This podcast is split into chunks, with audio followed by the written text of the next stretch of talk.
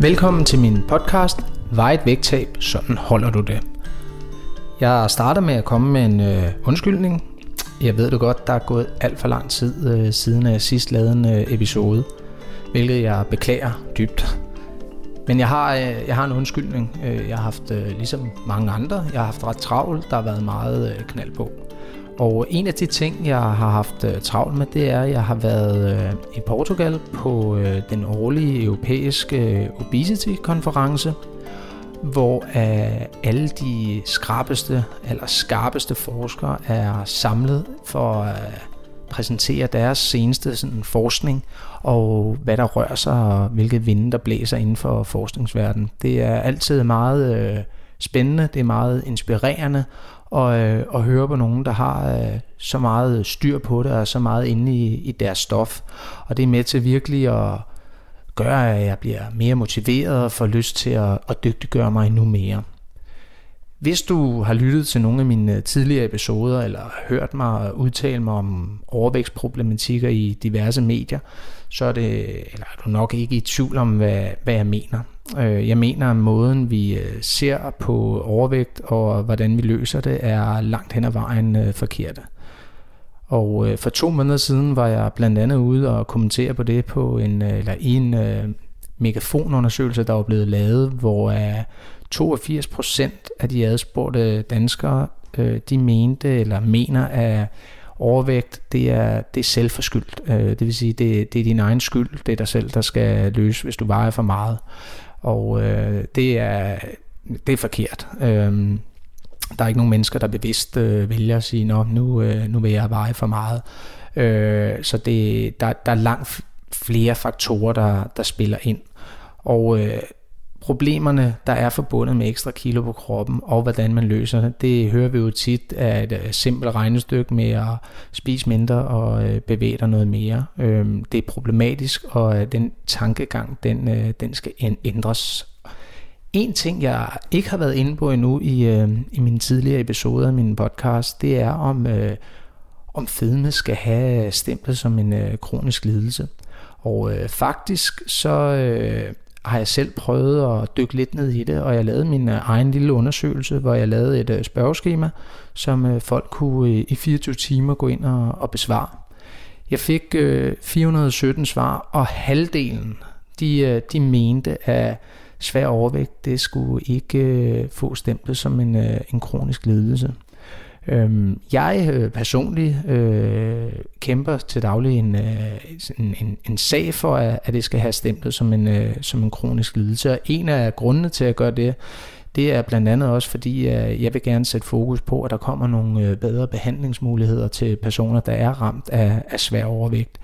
Og heldigvis så øh, er jeg ikke alene om at kæmpe den her kamp.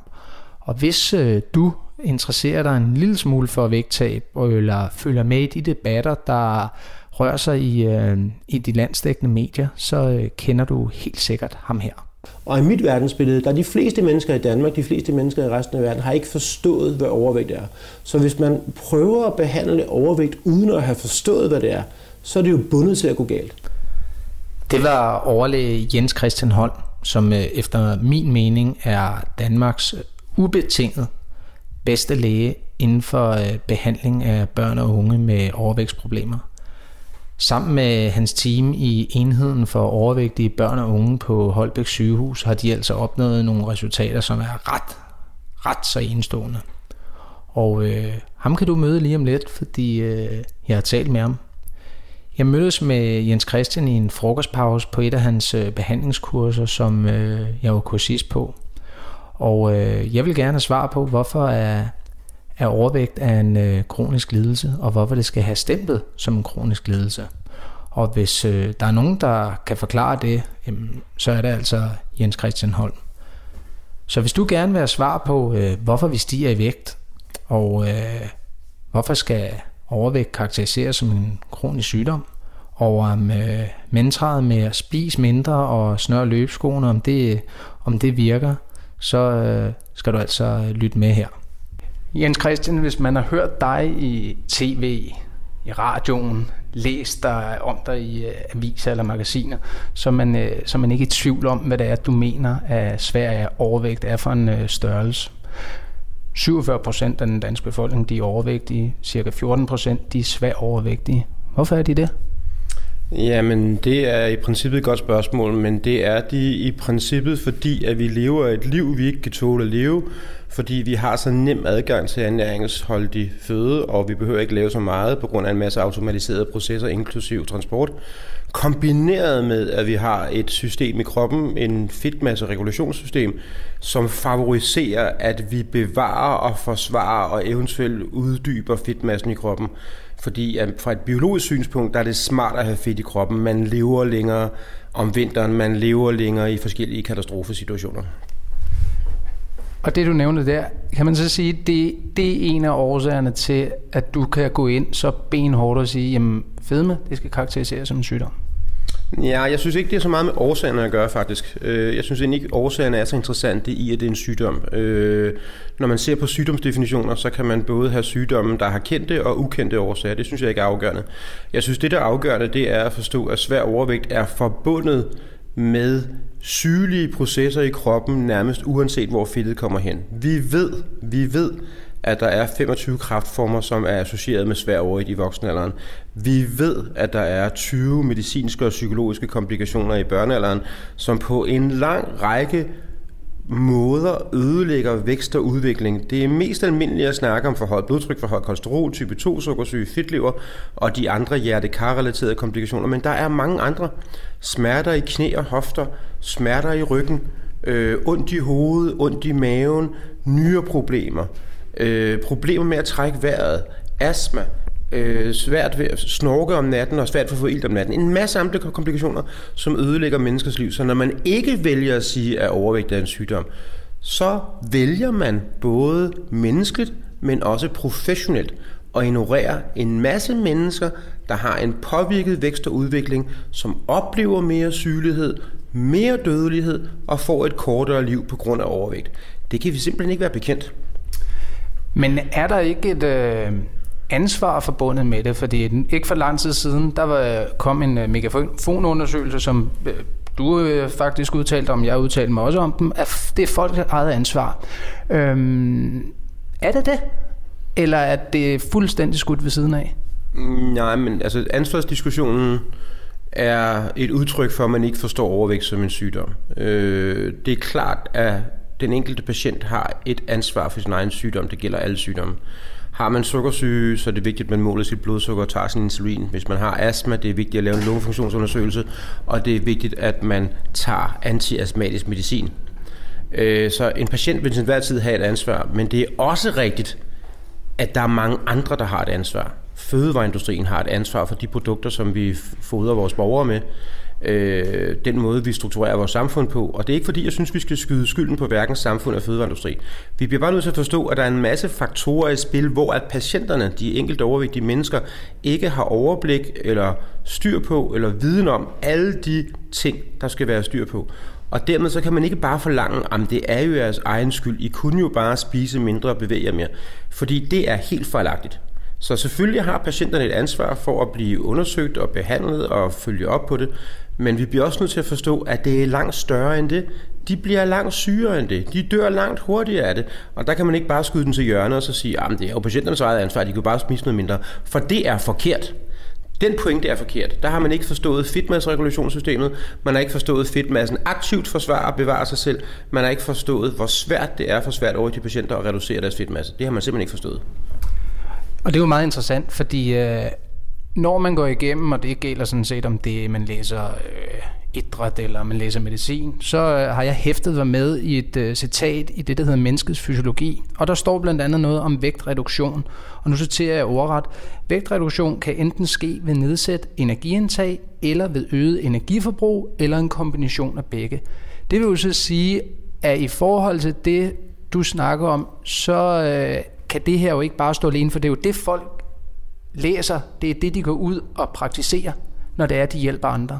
Og det er jo det, folk tager til sig og tænker, det er sådan, jeg skal gøre. Øh, hvis jeg mislykkes, jamen, så kan jeg jo bare sige, jamen, så har jeg ikke gjort det godt nok. Så er det jo i forhold til det, du siger forkert. Det er helt afgørende forkert. Øh, den simple sætning, du citerede der, er simpelthen ikke dækkende. Øh, den er, hvad jeg kalder præparadigmatisk. Den er, forstår ikke en række komplekse ting. Det svarer lidt til, at du snakker sukkersyge. Hvis du snakker sukkersygepatienter, skal du forstå, at der er noget, der hedder insulin, du skal forstå, at der er noget, der hedder blodsukker, du skal forstå, at der er noget, der hedder busbølkirtler, den producerer insulin, og hvis der ikke er nok insulin, så stiger blodsukker, og så bliver man sukkersyg. Det skal du forstå. Det er ingen diskussion om det. Hvis man skal forstå svært over de patienter, skal man også forstå fedtmasseregulationssystemet, man skal forstå, hvordan fedtmassen bevarer sig selv, forsvarer sig selv. Så når man bare laver en simpel difference mellem energiindtag og energiforbrug, og dermed giver patienten skylden for at spise for meget og bevæge sig for lidt, så har man ikke forstået denne komplekse hormonelle regulation så har man solgt patienten til stanglakris, fordi man har bare skudt skyld og skam og dermed bebrejdelse på patienten, fordi det er jo dem, der har ansvaret for det. Og der kan vi jo helt arketypisk spørge, stille spørgsmålet, hvis du har en patient med brystkræft, har hun så, har han så, har hun så ansvaret for, at hun har brystkræft? Det har hun jo selvfølgelig ikke. Men man har et ansvar for at behandle sygdommen brystkræft, og det har typisk lægen. Det er ikke patienten, der har det ansvar. Så når man skyder skylden og siger, at du skal bare gøre det bedre og finde dine egne behandlinger og spise mindre bøger mere, så har man simpelthen ikke forstået hele præmissen for, hvad den komplicerede sygdom overvægt er. Og så går man galt i byen, og så svigter man patienterne, man svigter lægeløftet, og vi kan simpelthen ikke være det bekendt i et civiliseret samfund. Og det vil så sige, at så er vi jo ikke dygtige nok i forhold til det, det langt de fleste behandlere gør. Er du enig i det? Jeg mener, at øh, alle behandlere i Danmark og store dele af verden ganske enkelt ikke forstår, hvad svær det er. Ja, de er ikke dygtige nok. De burde uddannes og informeres og udvikles. Øh, og jeg, grunden til, at jeg tillader mig at lave den påstand, det er fordi, at vi har en klinik. Vi har taget 3.600 børn i behandling. Vi har 75-80% af børnene, der reducerer deres grad af overvægt. Vi reducerer deres forhøjet blodtryk, vi reducerer deres fedtlever, vi reducerer deres forhøjet kolesteroler. Vi forbedrer deres livskvalitet, vi forbedrer deres kropsopfattelse, vi nedbringer appetitten, vi nedbringer deres mobningsgrad. Det er blevet undersøgt i både primær og sekundær sektor, både hospitaler og kommuner. Øh, vi bruger 5 timer per barn per år. Så jeg mener, jeg har hold i mine argumenter for at sige, at standardbehandling af overvægt i Danmark og resten af verden er under, under lavmålet. Og nu øh, har I jo i jeres klinik taget børn og unge ind. Jeres metode, vil den kunne overføres til voksne, som blandt andet sidder og lytter til, til, det her, til den her podcast? Absolut. Øh, modellen er et paradigmeskifte baseret på tre pointer. Punkt 1. At forstå og prioritere og behandle overvægt som en sygdom. Der er en lang række konsekvenser af den pointe. Mange af de konsekvenser er folk ikke bevidste om. Punkt 2. Forstå, at fedtmassen forsvarer sig selv aktivt. Punkt 3 at vi har udviklet en pædagogik, hvor vi kan implementere de første to pointer i patienten er konklusionskontakt. Præmisserne er universelle, nemlig sygdom, fedtmassregulation, og hvad jeg kalder lidelse, fordi patienterne lider meget, de er ensomme, de har strækmærker, isoleret osv. osv., osv. Og det gælder både børn og voksne, så der er ingen forhindring i at behandle voksne på samme måde, som vi behandler børn og unge. USA, deres lægeforening, de har deklareret det som en sygdom. Ja. Canada, WHO. Hvor er Danmark? Jamen, Danmark er bagud. Så enkelt er det. Øh, Danmark er bagud. Øh, vi snakker om en sygdom, svær overvægt, 25 kraftformer i voksenalderen, 20 komplikationer i børnealderen, både medicinske og psykologiske, hindrer vækst og udvikling, medfører et ringere liv, øget dødelighed, mere sygelighed, kortere liv, og så går vi og diskuterer, om det er en sygdom, om vi skal gøre noget af dig. Det er fuldstændig uacceptabelt. Men er vi, er vi langt væk, eller kan du se, at, at, at der er nogle ting, der begynder sådan øh, at, at skifte lidt? Eller, eller hvor, hvor lang tid tror du, der går, før vi, vi kan sige, at nu, nu er det her en kronisk sygdom? Det kan jeg ikke vide, fordi det er ude af mine hænder. Det er jo nogle andre organisationer, der skal tage stilling til det, såsom Lægeforeningen og Sundhedsstyrelsen. Øh, men det sker typisk sådan noget som et skift, hvor det pludselig sker. Øh, der er i mit verdensbillede opstået en betydelig holdningsændring hen over specielt de sidste 10 år, hvor at specielt fagprofessionelle sygeplejersker, diætister og andre læger faktisk godt kan begynde at forstå, at det er en sygdom, godt kan forstå lidelsen, godt kan forstå dødeligheden, godt kan forstå, at under lægeløftet, der kvalificerer sig svær overvægt på alle præmisser, og lægeforeningen har etiske regler, lægeetiske regler, hvor at svær overvægt og dets sygdom og dødelighed suverænt kvalificerer sig til alle hensyn fra en læge til en patient. Så på derfor så tror jeg, at Danmark, altså vi er længere frem end England, tror jeg, eller nogle andre lande omkring os. Fordi vi har en diskussion, og vi debatterer, det er kun godt og fint i et demokratisk samfund. Men jeg savner, at vi tager hånd om det på en seriøs måde. Det savner jeg for den individuelle patient og han, hunds lidelse, men jeg savner det også i en samfundsøkonomisk sammenhæng, hvor at når vi bliver ved med at stikke hovedet i busken som en strus på savannen, så vil der komme astronomiske relaterede direkte og indirekte sundhedsudgifter rullende ind over os i fremtiden, når vi bare siger, at de kan jo bare spise mindre og bevæge sig mere. Og det er jo lige præcis det, var det jeg faktisk skulle spørge dig om øh, næste gang. Sådan, det økonomiske må spille ind i forhold også til, måske der er nogen, der, der sidder og trækker lidt i håndbremsen. Tror du det? Ja, men vi kan jo se, at Sundhedsstyrelsen jo bremsede en udtalelse for ledende læger om at anbefale mere liberale krav til, øh, til, til, til gastric bypass operationer. Så der var jo en klar politisk agenda øh, med henblik på, at man sikkert prøvede, jeg ved det ikke, men man prøvede angiveligt at spare samfundsøkonomien for det. Og det kan man jo tænke, det er jo en relativt kortsigtet tankegang. Jeg vil sige, at når man tænker over bare 5, 10, 15, 20 år, så kommer der 25 kraftformer, 20 medicinske komplikationer for højt blodtryk, for højt kolesterol, type 2 sukkersyge, fedtlever, plus 15 andre, som kommer til at belaste vores samfund med direkte relaterede sundhedsudgifter på hospitaler, med mennesker, der bliver mere syge og ikke arbejder, ikke betaler skatter, ikke bidrager til samfundsøkonomien, øh, og dermed til måske opsparinger eller, eller, eller udbetalinger af førtidspensioner, hvad det hedder alt sammen. Så derfor så er det astronomiske udgifter, og hvis vi vælger at blive ved med at stikke hovedet i busken, så vælger vi at være uansvarlige. Måske lidt svært sådan øh, spørgsmål, men noget jeg tænker over, det er, hvordan sætter man sådan grænsen for, hvornår man er syg, hvornår man ikke syg? Øh, er det ved BMI 30, 31, 28? Det må da være meget, meget svært at afgøre det, fordi med et fingerknips kan man jo nærmest gøre 14 procent, hvis det er svær overvægt, i, vi, vi sat skældet ved. Så kan vi bare gøre det med syge. Øh, og er alle syge, fordi man har et BMI på 30? Altså, altså det er for det første et godt spørgsmål, fordi vi ved ikke, hvornår fedtmassen går fra at være god og givende, som fedtmassen er i den normale person, til at vi en sundhedsbelastning, en sygdomsudvikler i den mere overvægtige tilstand. Jeg synes, BMI 30, der er ikke så meget at diskutere. Vi sidder i øjeblikket i europæiske ekspertpanel i øjeblikket og er at definere nye diagnosekoder for overvægt, internationale diagnosekoder, og der har vi præcis den diskussion. Og der er der nogen, der siger, lad os sige 30, så er vi sikre.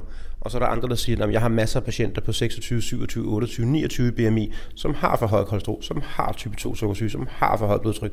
Så sætte grænsen er faktisk ikke så lige til, desværre. Jeg vil meget gerne have en klar grænse. Men jeg mener, det man skal forstå, det er, når man vælger ikke at definere overvægt som en sygdom, så vælger vi for 100.000 af patienter at forholde dem i princippet en behandling, der kunne i gåsøjne give dem et bedre liv, mindre sygelighed og dødelighed. Det mener jeg faktisk er uansvarligt. Men tror du, uh, hvordan tror du, den enkelte patient vil reagere, hvis at det er, man har været hos lægen, og man får at vide, man, man fejler ikke noget, så lige pludselig så får man et stempel, der hedder, nu, nu er du syg. Men øh, man har ikke fået det selv at vide af lægen, men man kan bare læse i visen, fordi man har et BMI på over 30, så er man, så er man syg. Tror du, der er nogen, der vil gøre modstand mod det? Mm, ja, selvfølgelig er der nogen, der vil gøre modstand. Det er jo oplagt klart. Øh, selvfølgelig er det det. Men det er jo ikke det, det handler om. Det handler jo ikke om, om den enkelte patient vil gøre modstand. Det, der er jo også nogle patienter, der, der ikke synes, de har lungekræft, når de har lungekræft, eller der ikke kan lide noget andet, som de har. Det er jo ikke det, det handler om. Det handler om, som vi som fagpersoner, som læger, må gøre os umage og være omhyggelige og bruge den eksisterende evidens til at vejlede befolkningen så godt som muligt i retning af, hvad vi ved svær overvægt medfører helbredskomplikationer senere hen. Og jeg tror, at den store del af danske befolkning ganske udmærket godt ved det, fordi der har været den her diskussion i mere end 10 år plus. Og den har været ophedet, og den er følelsesmæssig, og det kan ikke være rigtigt, og det kan jo være rigtigt.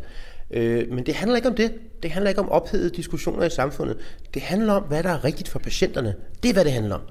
Og for mig at se, er det vanvid, at vi går og og smådiskutere det her, eller og ikke blive enige og ikke nå nogen vegne, når der er hundrede tusinder af mennesker med svær overvægt og forhøjet blodtryk, type 2 sukkersyge, fedtlever og øh, depression og lav livskvalitet og alle mulige ting, der ødelægger deres liv, og så gør vi faktisk ingenting andet end at diskutere det. Som sagt synes jeg, det er lægefagligt uforsvarligt. Men der er også mange, der famler lidt i blinde. Øh, der er Atkins, der er LCHF, der er 5.2, øh, der er Sobeku. Altså vi kunne, vi kunne blive ved. Og mange hopper jo rundt og, og tænker, jamen, er det mit øh, håb, den næste kur? Er det det, der, der kan vende det her for mig? Øhm, det ser jeg som en kæmpe udfordring i forhold til det, som øh, du sidder og siger her, og i forhold til det, som I blandt andet praktiserer på øh, Holbæk. Er du, er du enig i det? Jeg ved ikke, om jeg er enig, men det, men det jeg vil sige, det er, at når vi har en tilstand, hvor at overvægt ikke forstås som en sygdom, og dermed at det etablerede behandlersystem ikke skal tage ansvar, så er det jo klart, der opstår desperation, så er det jo opklar, der er jo mange penge involveret. Så er der klart, der er mange, der forsøger vidt muligt at tjene penge og lave bøger og quick fix, og hvis man gør sådan, så lykkes det.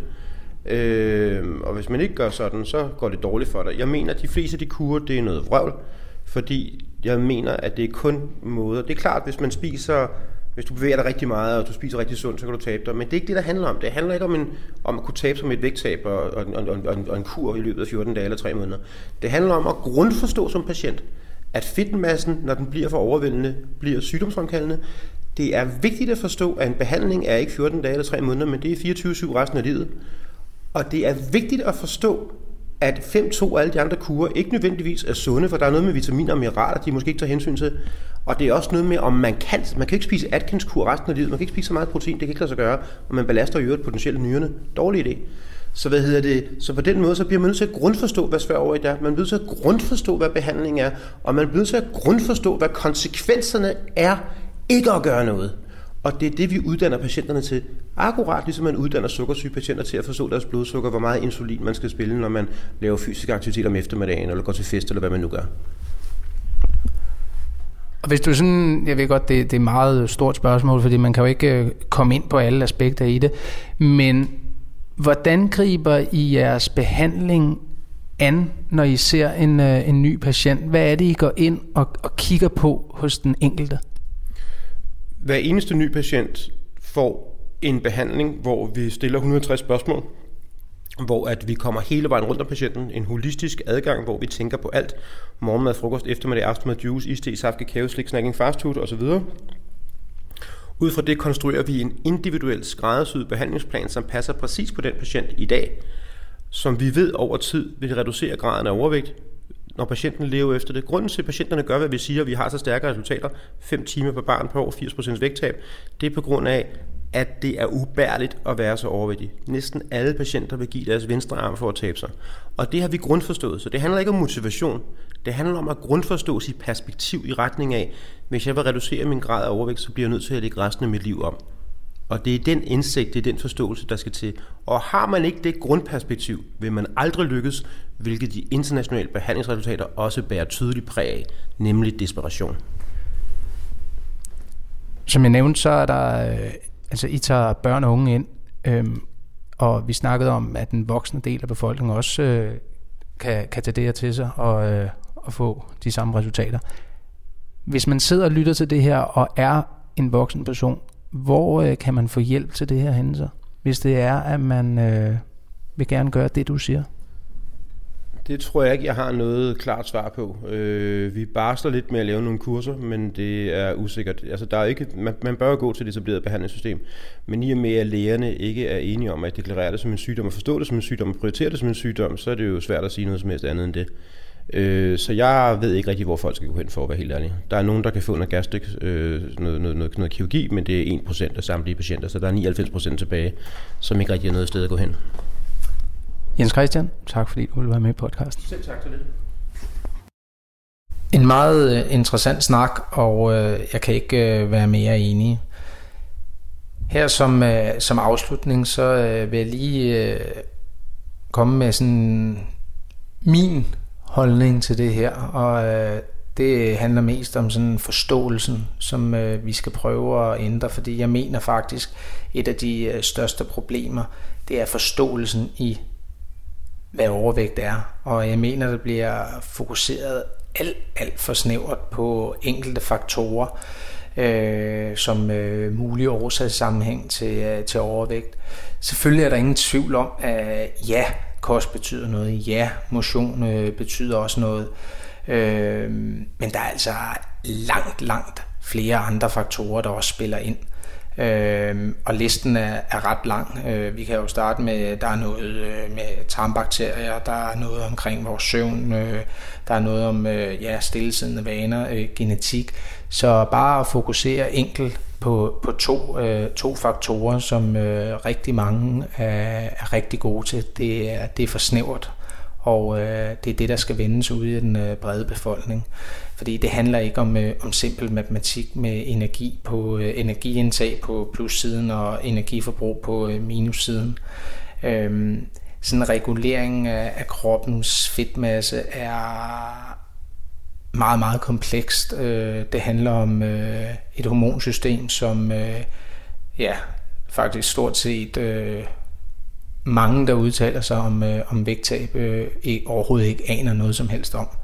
Øhm, og øh, for at få en, øh, sådan en, en forståelse for, hvad det her handler om, så skal man i hvert fald forstå øh, det hormonsystem i forhold til, hvad der er, der opretholder fedtmassen på, øh, på, på kroppen. Men øh, det er en, øh, lidt længere, en lidt længere snak, som vi dykker ned i på et, øh, på et senere tidspunkt. Men det kræver en lang kamp at ændre det her, øh, og forståelsen for, øh, hvad der ligger bag i den, øh, i den brede befolkning. Men jeg er sikker på, at det kommer. Jeg er sikker på, at en dag så øh, får øh, overvægt stemplet som en øh, kronisk lidelse. Hvornår, det ved jeg ikke, men det kommer. Det er blot et øh, spørgsmål om, øh, om tid. Jeg håber, at du blev klogere, og øh, husk, du kan altid øh, lytte til mine tidligere episoder på radioplay.dk. Jeg vil også blive glad for, hvis du vil øh, deltage i debatten på min øh, Facebook-side øh, pernelsen.com. Og øh, du er også øh, altid velkommen til at sende mig en mail på info hvis du har nogle øh, spørgsmål, eller måske et emne, du øh, gerne vil have belyst her i, øh, i podcasten. Jeg håber, at vi høres ved, og have nu en rigtig dejlig sommer. Vi ses.